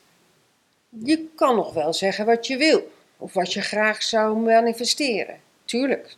Waarom niet? Nee, waarom niet? Maar- ik denk ook dat het tegelijkertijd kan bestaan. Maar ik probeer eventjes Ja, Ik- ja, ik- ja. dat mensen denken van. Willen, willen, willen is vaak, eh, komt vaak voor uit tekort. Als ik iets wil, dan denk ik dat het er niet is. Terwijl als ik eh, zeg van nou, het zou wel fijn zijn als ik vanavond, weet ik wat, eh erwtensoep krijg. Dan kan het universum zijn gang gaan en mij die erwtensoep regelen. Of, of mijn onderbewustzijn, die een miljoen keer sneller is dan mijn bewustzijn, die regelt dan de erwtensoep. En opeens komt een van de dochters langs met erwtensoep. Oh, wauw, wat toevallig. En dat is mij wel vaak overkomen met mijn moeder. Maar, ehm, dus dat is meegaan met die flow. En niet eh, uit een tekort, maar het is er gewoon. En het zou fijn zijn als ik het mag ontvangen. Wauw. Ja, oh, ik wil hier heel graag even verder op inzoomen, Erna. Want ik, volgens mij zeg je iets superbelangrijks. Dus, dus dat, dat... Oh, dan moet ik serieus zijn. Want dat is, Oh ja, ja, ja, dat hoeft niet. Hè? We, zouden, we, zouden niet, eh, Nee. we doen niet mee aan de serieus. neus. Maar eh, nou ja, wat ik gewoon zo fascinerend vind, dat je aan de ene kant mag je vanuit overvloed wel, je, je, je mag vragen naar wat je wil. Hè? Want als je weet wat je wil, kun je vragen wat je wil, kun je krijgen wat je wil. Je mag vanuit overvloed het spel spelen. Je mag wedstrijden proberen te winnen. Je mag een business bouwen. Je mag heel veel geld verdienen. Je mag er leuk proberen uit te zien. Dat mag allemaal. Ehm, waar Dus- gaat het mis? Als je het moet hebben, als je het wil hebben, maar denkt dat je het niet kan krijgen. Als Nou je ja, ervoor gaat vechten. Ja, en ik denk dat het misgaat. Dat, want wanneer je, het ander, wanneer je dat ze niet zou hebben, dat je dan niks waard bent als mens. Dus ik moet er goed uitzien, want anders eh, ja, ben ik niet een. eh. Ja, precies, ben ik niet. Ja, Ja. precies. Ik moet winnen, want ja, anders ben ik als mens niks waard. Ik moet loser. veel geld verdienen, want anders ben ik een sukkel. Ik moet. Dan wordt het. eh, maar het is wel eventjes. Die nuance. Ja, een ommekeer in denken. En ik heb ook gemerkt in de afgelopen negen jaar dat ik bezig ben met psychica, je gaat ook minder willen, want het is er allemaal al en je maakt er of wel of niet gebruik van. Als cliënten bij me komen zeggen, ja, ik wil een miljoen eh, winnen. Ik wil een miljoen op mijn rekening hebben. Dan vraag ik eerst van, wat wil je met die miljoen? Waar staat die dan voor? Want je kan beter dan, oh, je hebt een huis nodig of een auto. Of een, want een miljoen op zich. En ook vra- af, afvragen waarom. Hè? Misschien zit er inderdaad iets achter van, dan pas ben ik iemand. Ik zeg maar, kijk, geld is als water uit de kraan. Jij laat die kraan ook niet openstaan om een miljoen liter uit die kraan te laten komen. Wat ga je daarmee doen met die miljoen liter? Ik bedoel, dan verdrink je. Je, je gebruikt een glaasje hier en een glaasje daar. Maar je hoeft het niet op te sparen, je hoeft het niet op te potten. Sterker nog, het werkt als een vergrootglas. Dus als jij een miljoen op de bank hebt, doing, doing, doing, doing, dan worden al jouw problemen heel erg versterkt. Vandaar dat mensen die de lotto winnen ook heel vaak voor gaas gaan. Nou, dat hele verhaal. Het, Ja. het is zo mooi, je ziet het allemaal gebeuren. En toch willen mensen het liefst een miljoen op de bank. Terwijl ik denk, niet zo'n goed idee. nee, Nou ja, heel veel mensen willen natuurlijk rust. dat is Rust. Als de me- mensen tegen mij zeggen: Ik wil graag in een hutje op de hei, dan weet ik het al. Ze willen gewoon rust. Nou, dan denk ik altijd: Misschien wel een goed idee dat hutje op de hei. Want dan ga je pas echt horen hoe ongelooflijk die stem aan het tetteren is. Eh, Maar ga Ja. dan de Vipassana doen. Mijn dochter heeft hem net gedaan en, en ja, die vindt het geweldig. ja, nee, maar ik bedoel. Achter dat soort wensen als ik wil een miljoen of ik wil een heel groot huis of ik wil een gouden medaille. Daar zit vaak iets van ik wil rust of ik wil erkenning of ik wil. Eh, maar ja, eh, eh, ik heb natuurlijk ook een blauwe maandag mijn prestaties gekoppeld aan mijn eigen waarde. Nou, als je ergens ongelukkig van wil worden, dan moet je dat doen. Knap dat je dat hebt los weten te koppelen. ja, nou ja, dat, dat, dat, dat is. Dat, dat is Kan je- Kan je dan ook zeggen dat je toen meer bent gaan winnen, of niet? ja, dat, dat, is, dat vind ik dus. Daar had ik het in de podcast met, met Paula ook over. Dat is de grap, hè? Ja. Dat is de grap. Je laat het los. Of je laat het los. Het laat jou los. Ja. Je, je, je wist die programmering. Je, je, je verbetert of zo'n overtuiging. Weet ik veel hoe je dat even netjes moet zeggen. Ja. Maar de grap is dan dus, eh, ja, dan ga je ineens, dan, dan gaat het stromen. Ja. Dus dat is heel, eh, heel apart. Ja. Heel En dan apart. ga je opeens dingen kunnen en meer spelen met wat je geleerd hebt, waar we net over hadden. Ja, Ja. ja. ja, absoluut. Leuk. Ik pak eventjes eh, mijn lijstje erbij. Want ehm, eh, hebben we trouwens alles gezegd over Reiki? Nou ja, ja, dat je. Reiki wordt ook steeds meer geaccepteerd, grappig genoeg, want het is best wel vaag. Maar ik hoor van mijn kinderen ook van ja, Reiki, dat, dat geloven ze allemaal, dat dat werkt. Terwijl, denk ik, psychica is in mijn ogen veel duidelijker dan Reiki. Maar op een of andere manier, Reiki wordt ook in ziekenhuizen gegeven. Reiki wordt wel algemeen geaccepteerd. Als je ziek bent, kan Reiki helpen. Als jij ehm, nou ja, mentaal even vastzit, kan Reiki helpen. Het is gewoon een hele, methode, hele makkelijke methode. 10 minuten per dag doe je iets voor vier dagen om het te helen. En ja, je kan het ook op dieren gebruiken. Dieren vinden het geweldig, Reiki. Die komen ook gelijk als ik Reiki aan het geven ben, ook al is het niet naar die kat, komt de kat er gelijk tussen staan van ik wil ook. En die wil in die energiestroom van Reiki staan. En ik ben het op dit moment ook aan mijn kat aan het geven, want die is ziek. Dus die geef ik nu elke dag Reiki. Nou, die komt helemaal bij me liggen. Die vindt het heerlijk. Bijzonder. Nou ja, misschien nog even grappig. eh, mijn vader eh, is eentje van een tweeling. Ja, nog eerst een, een, en hij had heel erg eh, ja, eh, last van zijn rug en een beetje desperate. Dus toen op een gegeven moment dan, dan maar reiki, weet je wel. en toen zei die reiki-therapeut ook van... eh, eh, ja, het kan zijn, want jij bent toch iemand van een tweeling... dat je broer dit ook gaat voelen. En nou ja, mijn pa die was zoiets van, nou ja, weet je, het zal wel. Ik wil hier heel graag vanaf. Ik heb hier echt last van. En, maar zij bellen ook iedere dag met elkaar en zij doen veel dingen samen. En zegt zijn broer ineens van, nou, ik, ik, eh, ik moest ineens naar de wc en het was pikzwart. Dat is toch bizar, hè? Dat de Ja. Reiki bij, was bij. Simon en zijn broer, die moest naar de wc. Ehm, dus dat was bijzonder. Nou ja, we hebben natuurlijk eh, ook weer mijn vader gehad, die keihard gevallen was. En zei van, eh, ik heb nog nooit zoveel hoofdpijn gehad. En ik dacht, en, en, en iedereen was weg, hij was alleen thuis. Ik denk, shit, wat moet ik nou doen? Eh, ik denk, nou toch maar Erna bellen. En tijdens de telefoonsessie, hij, begon, hij was heel, in het begin helemaal zo en hij kon niet goed bellen. En op een gegeven moment zag je hem ontspannen. En hij begon ineens weer grapjes te maken. Ja, want ik ging al gelijk sturen, terwijl Ja. we aan de telefoon hingen. Ja. Ja, bizar en, en toch? jij zei het, ik zie hem gewoon, zien de ogen. Ja, Ja. Nou, we hebben, ik heb wel een leuk verhaal daarover. Ooit, want dit Rijke doe ik ook al 30 jaar, was, waren we in een speeltuin met vrienden en hun kinderen. En die kwamen helemaal misselijk, kwamen ze uit een of andere zweefmolen. Kan je even Reiki doen, want ik voel me zo misselijk. Geef ik ze Reiki. Vervolgens direct weer in die zweefmolen. Dat was zo grappig. Zo van, oh, nou voel ik me weer goed. Hop, die zweefmolen weer in. Ja, grappig. Heb je zelf nog eh, dingen met Reiki bereikt waarvan je denkt, ongelooflijk, ongelooflijk. Ik heb dat bijvoorbeeld wel met Psychica, dat ik echt denk, ongelooflijk, ongelooflijk.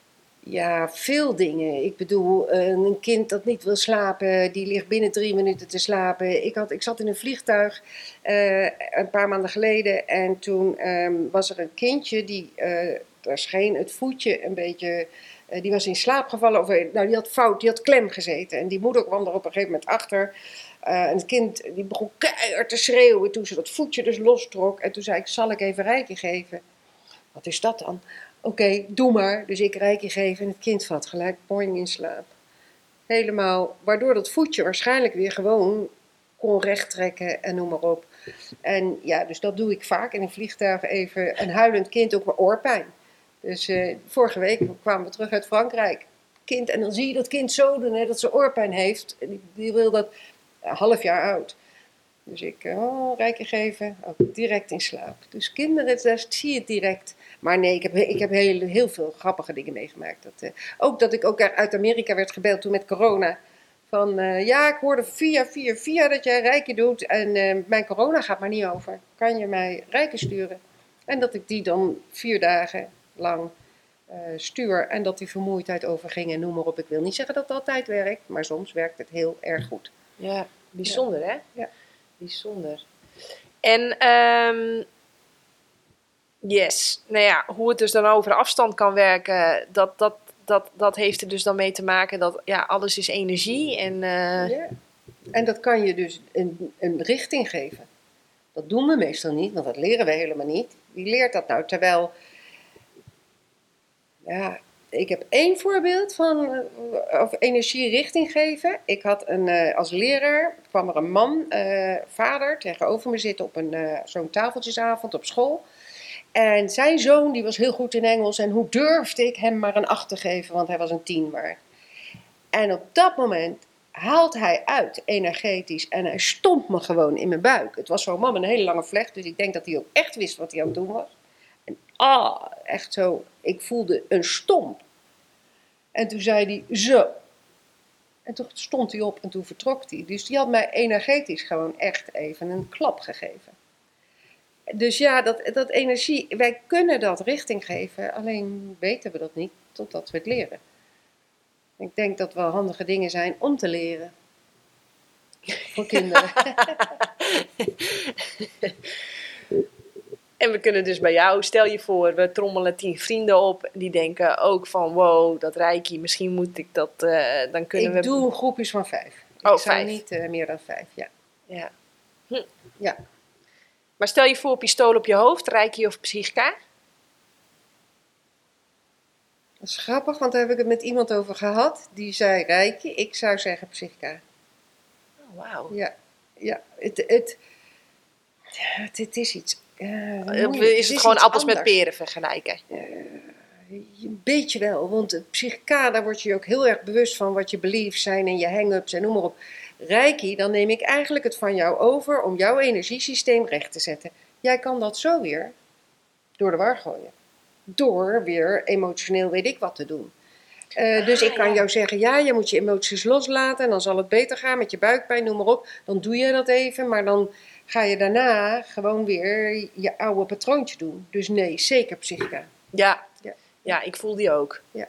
Ja, Want want anders doet een ander het voor je. Ja, precies. Nou, dat niet alleen. Ik denk ook psychica om de simpele reden dat ehm, als jij van jezelf houdt, als jij de wereld als een veilige plek ziet, als jij eh, goed genoeg bent, als jij vertrouwen hebt in jezelf, in de ander, in het grotere, als jij stopt met de hele tijd indelen, dit is goed, dat is fout. Eh, ja, dit was goed gegaan. Nee, dat was fout gegaan. Eh, dit is mooi. Nee, dat is lelijk. Zo moet het niet. Dat hoort niet. Als je daarmee stopt, dan kan de energie gewoon stromen. Ja, En dan ja. botst het ook niet de hele tijd op al die overtuigingen en beperkingen van hoe iets hoort en hoe iets moet en hoe iets had zou moeten gaan. Dus Ja, tuurlijk psychica. ja. Tuurlijk psychica. Want hoe, hoe, hoe vrijer en hoe veiliger je bent, ja, dan, maakt het alles niet mogelijk. Maakt niet nou, eh, niet, ja, alles is mogelijk, maar ook ehm, je bent veel minder in gevecht met het nu. Want je weet van dat wat mij nu gebeurt, dat is het beste wat kan overkomen. En eh, wat, wat, wat natuurlijk voor sommige mensen wel een grens heeft.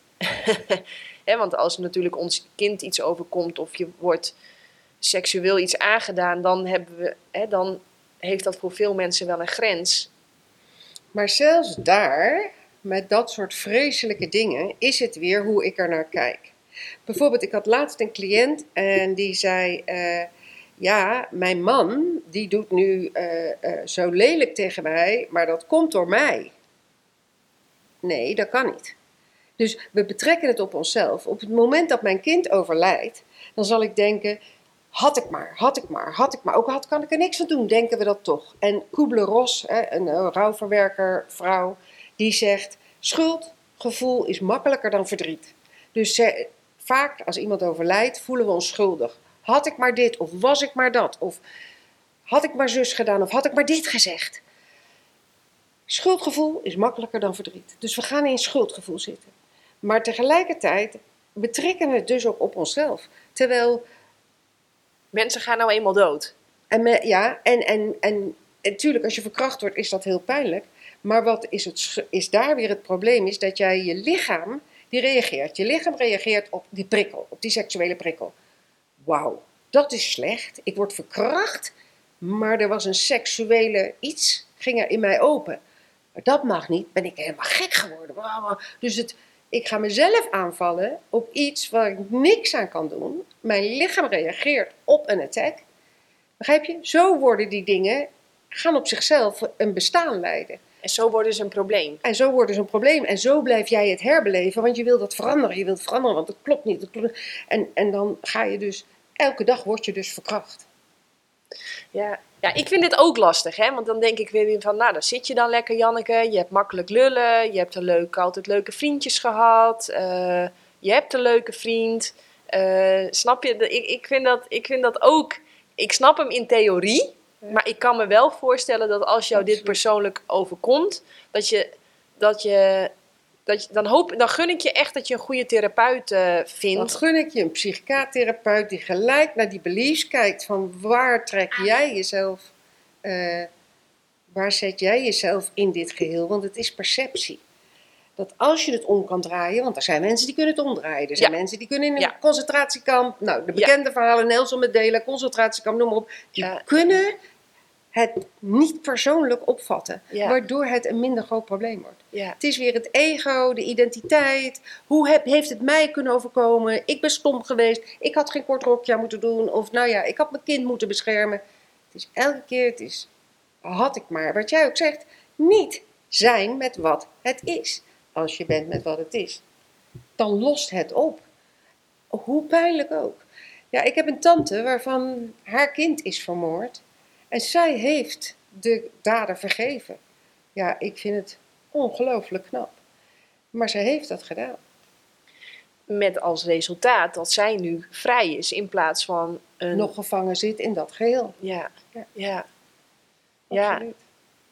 Ja, nou ja, goed. Het is, eh, het is, eh, het is, eh, dit is de theorie. Ik gun je dan een goede therapeut. En Ja, inderdaad, er zijn boeken te over daar geschreven over mensen die, die, die, die ja, gelukkig hebben kunnen zijn in de meest vreselijke situaties.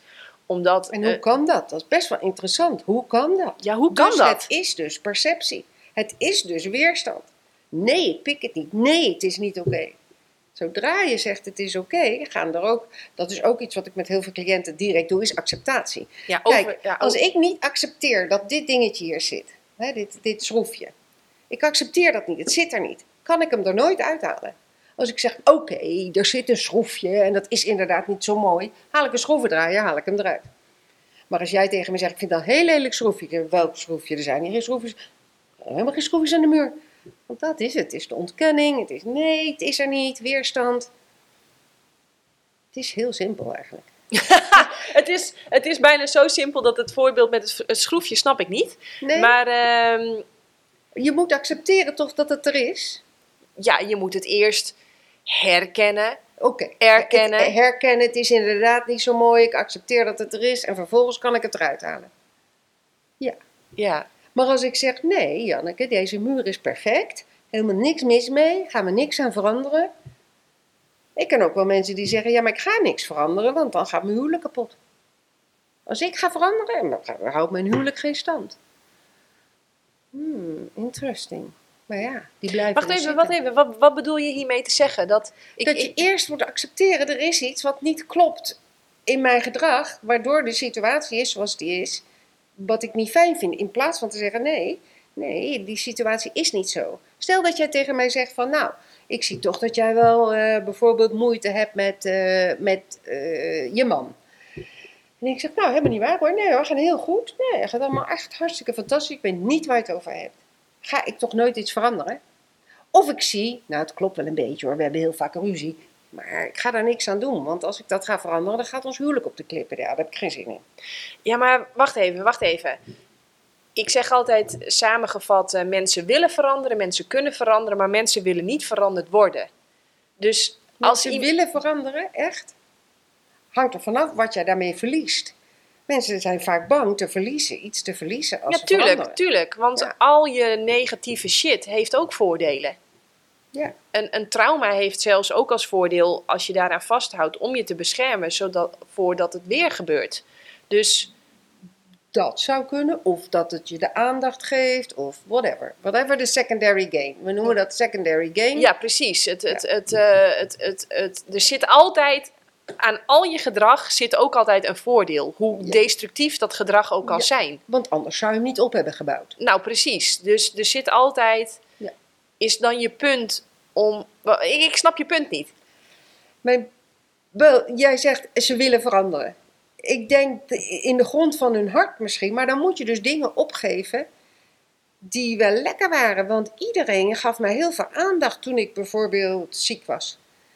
Ja, dan kan ik nu wel beter zijn, maar dan komt er niemand meer langs. Ah, wacht even. Jij bedoelt de gehechtheid aan je verhaal, aan je drama, aan je story. Ah, ah, dat is hetzelfde, Niet verhaal. al dat, maar ook dus ook letterlijk ziek worden en mensen op bezoek krijgen omdat je ziek bent.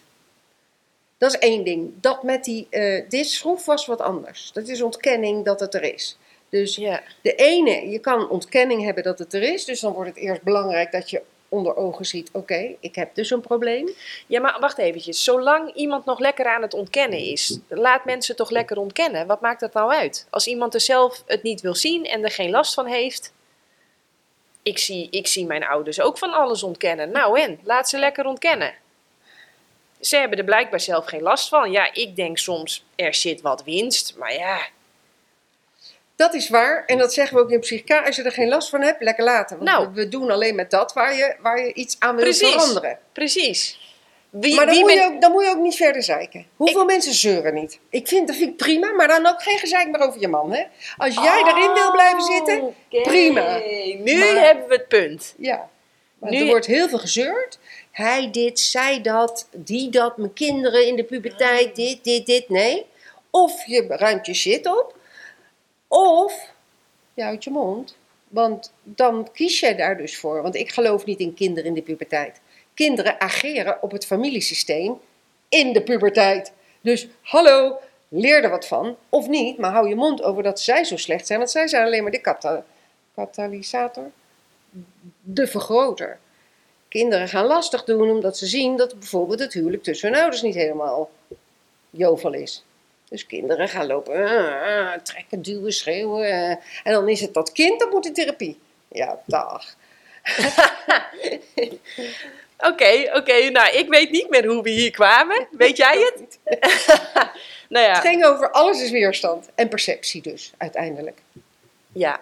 Ja. En dat de truc is, en daar kan Psychica een hele mooie tool voor zijn, om eigenlijk weerstand op te heffen. Dat je kapt eigenlijk met alles in te delen in goed of fout. Of zo zou het niet moeten, zo zou het niet horen. Ja. En eh, zo, zo had ik het niet verdiend. En, Want eh, dat zo... is de ontkenning. Dat is die schroef niet willen zien.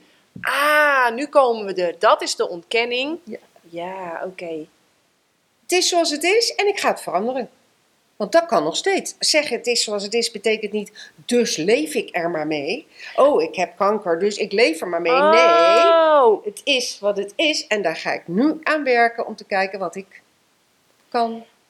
wauw, nu zijn we er. Oké, dus het punt is, acceptatie is niet passief achteroverleunen. Acceptatie is het beest recht in de bek aankijken, Ja. eh, ermee voelen, ermee zijn, in het nu er werk van maken, doen wat je moet doen. Misschien zijn het kruiden nemen, misschien is het een, zijn het wat psychica-sessies.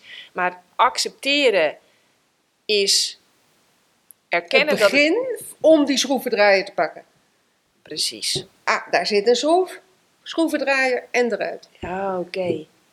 En jij laat eigenlijk zien, acceptatie en overgave zijn, betekent werk aan de winkel.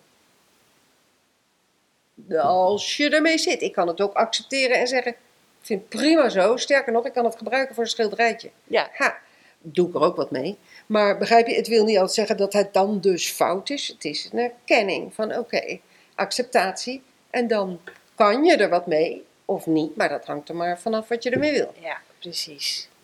Precies. Nou, volgens mij hebben we hem dan toch. Ja. Ik weet niet meer hoe we hierop kwamen, maar eh, dat maakt ook niet uit. hey, ehm, ik lees op jouw website terugkerende problemen hebben te maken met vastgezette energie. Een onopgelost probleem zet zich vast in je energiesysteem. Dit gebeurt onbewust en omdat je systeem hiervan af wil, zal het je steeds weer naar gelijksoortige situaties leiden. Vandaar de uitdrukking: wat geleerd moet worden, herhaalt zich. Ja, en dit is wel een tekst die heel erg bij de hypnotherapie past. Ik vraag me af of het systeem het, ehm, het herhaalt om er vanaf te komen, of dat het systeem het herhaalt omdat het gelijk wil hebben. Als ik geloof dat mensen slecht zijn, zal ik constant met mijn gedrag bewijs vinden, met mijn perceptie, bewijs vinden dat het zo is. Bewijs vinden dat het zo is. Dus ik denk dat de herhaling, misschien moet ik dat veranderen op de site, de herhaling zit hem in een heel eigenwijs onderbewustzijn die altijd gelijk wil hebben en heel zwart-wit is. En daardoor komt die herhaling. En we kunnen van die herhaling wel degelijk leren, hé, hey, wacht eens even, wil ik dit steeds weer creëren? En dan ga je het veranderen, als het goed is. Als je er zin in hebt. Ja, Als je het precies. aandurft. Als je het aandurft, dat laatste. Oh, mooi, mooi, leuk. hey, en ehm, ik, ik heb hier ook nog het grootste avontuur is een reis door je innerlijk naar je onderbewuste. De meeste mensen vinden dat eng omdat ze bang zijn dat er een beerput open zal gaan. En ehm, nou ja, ik, dat, ik- dat zie ik ook non-stop. Hè. We zijn liever. eh, nou, ik heb daar toevallig deze week nog een blog over geschreven. Ehm, wat ik vaak zie, nee, wat ik gewoon zie gebeuren, en, en, en dat, dat is echt leuk aan kinderen, aan, aan Duits hebben. Dat je bent in die speeltuin en je bent met andere kinderen en in de supermarkt ben je. En je ziet dan andere ouders en dan als je een beetje uitzoomt en je gaat gewoon eens even luisteren, dan, dan zie je dat we mogen vrolijk zijn, we mogen, we mogen wel op een gepaste manier nieuwsgierig zijn. Ehm, maar er zijn heel veel dingen die we gewoon niet mogen. We mogen eigenlijk niet boos zijn, we mogen niet schreeuwen, eh, we mogen. ehm, Terwijl je buiten bent in een speeltuin. My god. Ja, oké, maar we mogen eigenlijk ook niet eh, verdrietig zijn. We mogen niet zwak zijn. We mogen niet kwetsbaar zijn. We mogen eigenlijk ook niet zomaar gewoon rust nemen. Eh, hè, we moeten Nee, heel productief zijn. We moeten dingen doen. We mogen niet lummelen, niet dromen. En omdat we dat allemaal niet mogen en omdat we die emoties allemaal geclassificeerd hebben als niet handig en slecht en eigenlijk om iets om je voor te schamen, leren we er ook niet mee omgaan. Nee. Met, met als gevolg dat we, hè, ik, ik, ik, ik zag het laatst gebeuren, eh, een man, eigenlijk compleet hulpeloos. Eigenlijk, hij wist gewoon echt niet wat hij moest doen. Hij voelde zich compleet in zijn hemd staan. Helemaal naakt eigenlijk. Super kwetsbaar en extreem zwak. Iets wat natuurlijk helemaal niet paste bij wie hij denkt dat hij is, hè, zijn imago. Dus je ziet hem dat gebeuren en hij wordt gewoon vet agressief. Mhm. En Mhm. weet je, hij laat weer zien, bam, ik ben wel vet sterk. Mhm. Mhm. En ehm, hoe kwam ik hierop? Dat je in de Oh, ja. speeltuin was met Oudse. Ja. Ja, nou ja, dat dus heel veel mensen eh, bang zijn om ehm, te gaan huilen, omdat ze bang zijn dat ze dan nog vijf jaar zullen huilen.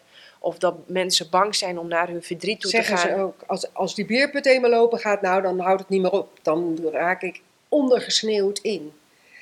En ja, vaak is het geen olifant, maar een muis dat er zit.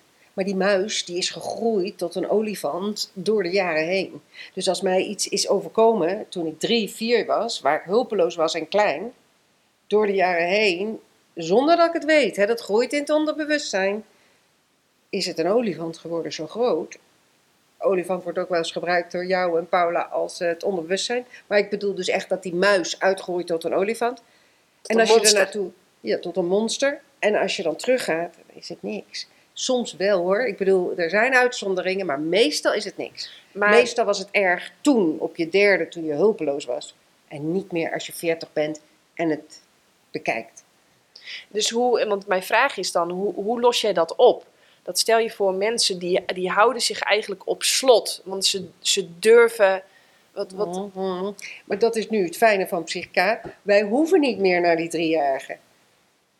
Je gaat met het probleem dat je er nu van ondervindt, gelijk je belief system aanpassen. En soms komt het dan wel boven tijdens een balans. Dat kan. Maar het is niet het doel meer. Omdat het, het onderbewustzijn is gewoon aan het op... eh, er worden ook echt nieuwe neuronenpaden aangemaakt in je hoofd. Het onderbewustzijn is gewoon dat aan het schoonmaken, aan het eruit aan het gooien. En soms krijg je dan een beeld of een gedachte die daarmee te maken heeft. Dat je, "Ah, was ik helemaal vergeten, inderdaad zeg, toen ik zes was, dit en dat op school, is er dit en dat gebeurd, ben ik gewoon volledig voor gek gezet. En daarom ben ik zo bang om mezelf te laten zien, whatever. Maar dat is niet het doel. Het, want wij vertrouwen erop dat het onderbewustzijn, die haalt het er gewoon uit, die krijgt die commando. De weerstand verminderen, eruit gooien, nieuwe erin stoppen. Klaar. Ja. ik kan me ook echt voorstellen dat mensen denken: wat een, wat een gezweef. Het is zo. je moet het een keer meemaken. Ja, dat is echt waar. Ja, dat is echt waar. Ik weet nog wel, de eerste keer dat ik bij Paula was, eh, moest ik mijn twee hersenhelften bij elkaar gaan brengen. Ik dacht wel van, ik heb veel gekke dingen gedaan, maar dit is wel een toppunt hoor. Ik vond het wel bizar. Terwijl het is een heerlijke oefening. Ja, het is ook, tuurlijk. ja. En ik had direct de volgende dag resultaat. Ja. En dan En, weet je, oh, dit werkt. Precies. En, dat, als mensen dat merken, dan, dan zeggen ze: Jeetje, waarom weet niet iedereen dit? Waarom is dit niet eerder in de wereld gebracht? En, Ja. ja. Ja, ja, mooi. Wat zie jij als een, eh, als een, als een echt een veelgemaakte ja, fout, potverdorie, zo wil ik het eigenlijk niet noemen. Maar ehm, wat, wat, wat zie jij, Paula zei zo mooi van, nou, waar ik mensen echt de bietenbult mee op zie gaan, is dat mensen zeggen, zo ben ik nou eenmaal. En dan, maar, ik, ik hoorde het gisteren nog iemand zeggen, Mhm. die, ehm, ik was bij het postkantoor en eh, de beste persoon die heeft eh, Parkinson en hij zegt, ja, ik heb dit nou eenmaal. De artsen hebben gezegd dat het alleen maar erger wordt. En, Je ik, moet kan, ermee leren leven. en ik kan er niks aan doen. En toen dacht ik, wow, dat is heftig. Hè? Als je dat je overtuiging is. Ja. En je moet ermee leren leven. Je moet het een plekje geven, whatever dat is. Ja, En dat wil niet zeggen dat je Parkinson kan helen, maar jouw perceptie op Parkinson en, kan wel veranderen. Ehm, en ja, je zegt, wat is de meest... eh, ik denk dat, hè, dat je zegt, het is mijn persoonlijkheid. Dat hoor je ook veel. Ja, maar zo zijn wij allemaal in de familie. Het is, onze, het is mijn persoonlijkheid. Zo Dat ben ik nou eenmaal. Dat is zo jammer. Of, ja, ik moet ermee leren leven. Ook zo jammer.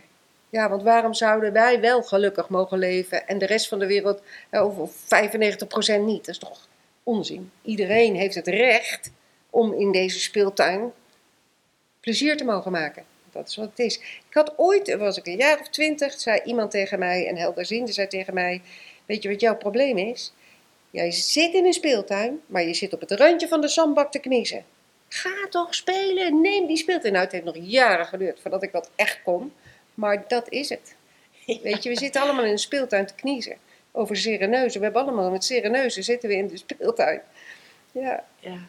En, en, en ik denk dat echt, hè, een kind is ook gewoon permanent blij. Tenzij eh, het een strontluier heeft of zijn teen stoot. Dan gaat het eventjes aangeven van ik ben even niet meer blij. Maar dat we blij zijn en levenslustig en enthousiast en creatief. Dat is eigenlijk onze status quo. Dat is, dat denk ik ook. Maar je zegt de luier, het eten. Kinderen voelen ook de energie van ouders feilloos aan. Dus als ik ruzie ga zitten maken met mijn man en mijn kind ligt daar in de box, dat gaat dat kind echt wel merken. En die heeft echt geen nieuwe luier nodig. Nee, die heeft ouders nodig die gewoon niet ruzie maken waar het kind bij is. En dan ook echt ver van weg. En niet boven, dat nog steeds die trilling heel makkelijk te voelen is. En dat vind ik heel erg als, als mensen ruzie maken waar kinderen bij zijn. Ik heb me natuurlijk ook schuldig aan gemaakt in mijn tijd toen mijn kinderen klein waren. Maar ja, dat is heel pijnlijk voor die kinderen. En mijn ouders deden dit heel veel. En Paula zei op een gegeven moment dat ze een beeld had van mij als driejarige. Paula is een jaar jonger, die was dus twee. Maar ze zegt, ik had een beeld van jou dat jij met een soort zwaard tussen die twee stond. Om alle energie op te vangen, mee te nemen, zodat zij het niet hoeven te voelen.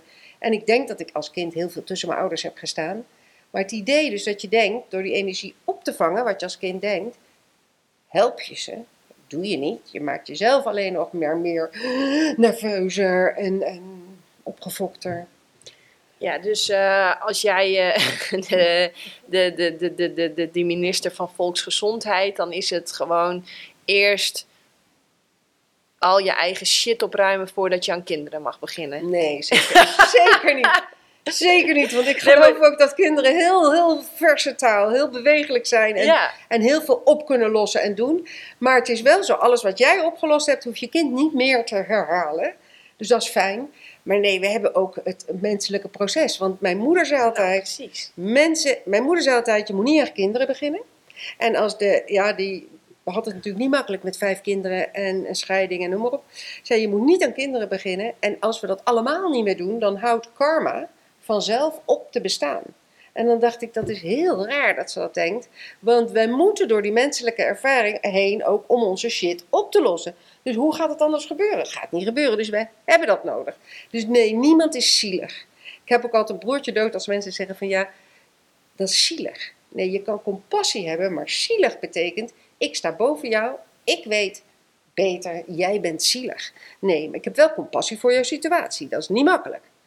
Maar je bent niet zielig. We zijn allemaal, stuk voor stuk, kunnen we de meester zijn over onze, ons leven. Ja, en stuk voor stuk zijn we allemaal sterk genoeg om onze shit, hoe groot het soms ook lijkt, te dragen. Betekent, je, moet het, je hoeft het niet alleen te doen. Zoek echt een goede therapeut. Ik, ik, ik zweer daarbij. Eh, zoek een coach, een therapeut. Ehm, ehm, je Maar moet, hoe weet je dat het een goede is? Dat, dat is ook altijd een beetje een ding. Want natuurlijk is, nu wel de tendens, iedereen wordt coach, iedereen wordt therapeut. Ik bedoel, als jij basis psychica hebt gedaan, drie dagen, kan jij met anderen balansen doen. Dus ja, kan goed gaan. Hè, dat je een natuurtalent bent en kan goed gaan. Maar het kan ook. Dat je je geld naar, je water naar de zee brengt. Kan ook. ja, dat maar kan ook, dat weer ziet natuurlijk je eigen verantwoordelijkheid. Noem maar op. Van nou, oké, hoe kom je erachter? Goed onderzoek doen of rondvragen. Maar Ja. ja. dat is soms wel een probleem voor mensen. Ja, ja, ja. Nou ja, dan gaan we toch even bij een basisdingetje komen. Ik heb wel het idee dat hoe schoner je eet, eh, hoe minder je jezelf belast eigenlijk met de pijn en de stress en het trauma en de onderdrukking van bijvoorbeeld een ander dier wat jij eet. En als je andere, Absoluut. hoe schoner je wordt, hoe schoner je bullshitradar is, hoe schoner je antenne met het goddelijke, hoe, hoe beter je kan voelen, proeven, ervaren wat het beste richting de waarheid gaat en wat bullshit is. Ben ik helemaal mee eens. Want jij maakt je lichaam is natuurlijk een heel intelligent wezen. Met hele goede voelhorens. Maar die voel je niet als jij dat volstopt met patat. En dat ken ik heel goed, want ik hou erg van patat. Dan voel je helemaal niks. Je bent eh, loom en uitgezakt. En dan is alles weg. En het is een hele, wat jij ook vaak in jouw blogs en een hele fijne, eh, hoe noem je dat? Het is eigenlijk een drug. Het, het, het, Verdoving. het verdooft je. ja. En nee, natuurlijk kan je dan niet meer voelen. Maar ja, dat is of het nou alcohol, vlees, televisie, zak chips, eh, al die dingen werken verdovend. Ja. En soms, oké, prima, weet je. eh, ja, Ja, af en toe is het soms- heerlijk om een avondje door te zakken en, eh, en dat allemaal te doen. Maar je betaalt de prijs en je voelt je daarna niet lekker, de volgende dag zeker niet. nee. Je verstand is gehalveerd. eh, nee, maar jouw vraag was eventjes van hoe onderscheid je de goede coach van de minder goede coach? Ja, daar daar probeerde ik die zeg maar. mensen zullen zeker makkelijker voelen wat bij hun past en die vinden. Ben ik helemaal mee eens. Ja, dat, dat idee heb ik. Daar probeerde ik een Ja. soort van antwoord op te Ja, geven. ja. Van, eh, Maar ja, dan moet je dus eerst weer dat doen. Stel dat je daar helemaal niet in thuis bent, in dat goed eten, gezond eten, en ze kennen jouw boeken niet. Nee, maar dan, anders, dan gaan wij bepalen wat een goede coach is en wat een slechte coach. Dat, dat kunnen wij ook helemaal niet. En wat ook de grap was, daar hadden we het in het begin in het voorgesprek ook over. Dat ik soms het idee heb van, oeh, is deze podcast wel goed genoeg? Om hem vervolgens online te zetten en een vloedgolf aan dankbare mails binnen te krijgen van dit, echt juiste podcast op het juiste moment. Dus dat ego, dat meent de hele tijd zo ongelooflijk goed te weten wat nou goed is en wat slecht is. En, klopt. en want- we weten het gewoon eigenlijk helemaal niet. Nee. We weten het niet. Nee. We weten het niet.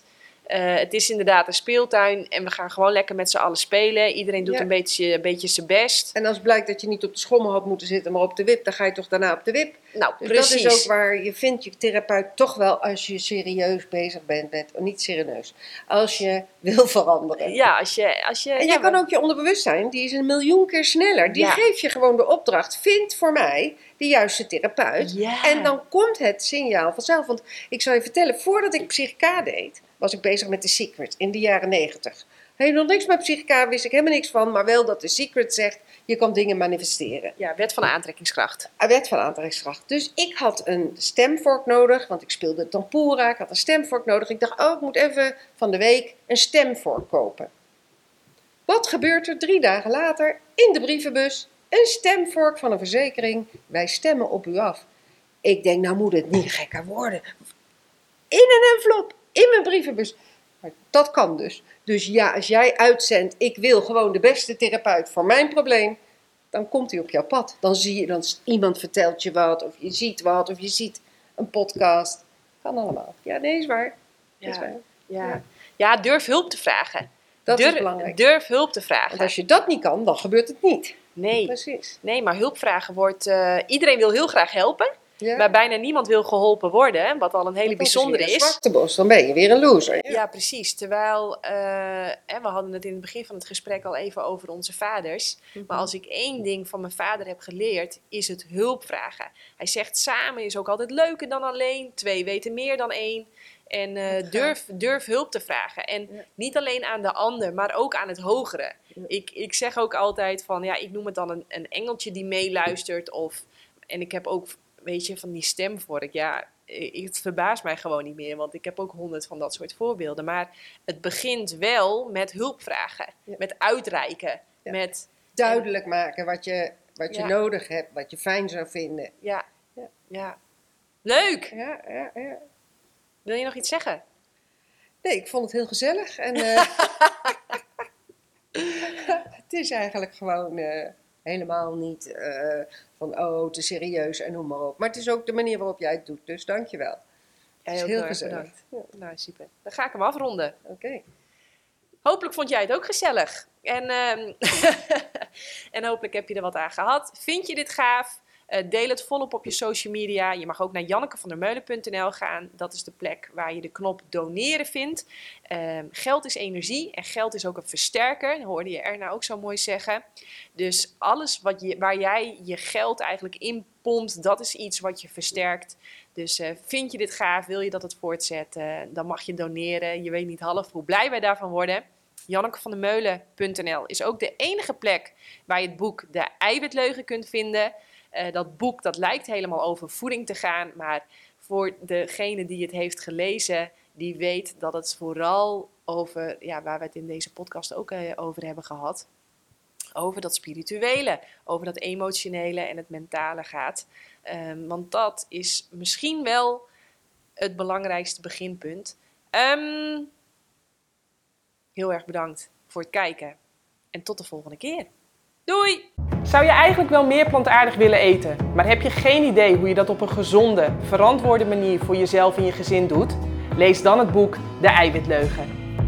Mijn naam is Janneke van der Meulen en in 2018 en 2022 werd ik wereldkampioen kustroeien. In 2021 werd ik na een energieke zwangerschap en soepele bevalling moeder van onze dochter. Alles op een dieet van fruit en planten. Kijk, je kunt nog zoveel diploma's hebben, geluk, talent, connecties, geld. Maar energie is uiteindelijk wat het verschil maakt voor resultaat. In het boek De Eiwitleugen deel ik daarom alleen maar de allerbeste wetenschap voor optimale gezondheid, fysiek en mentaal. Dus bestel het boek nu via jannekevandermeulen.nl.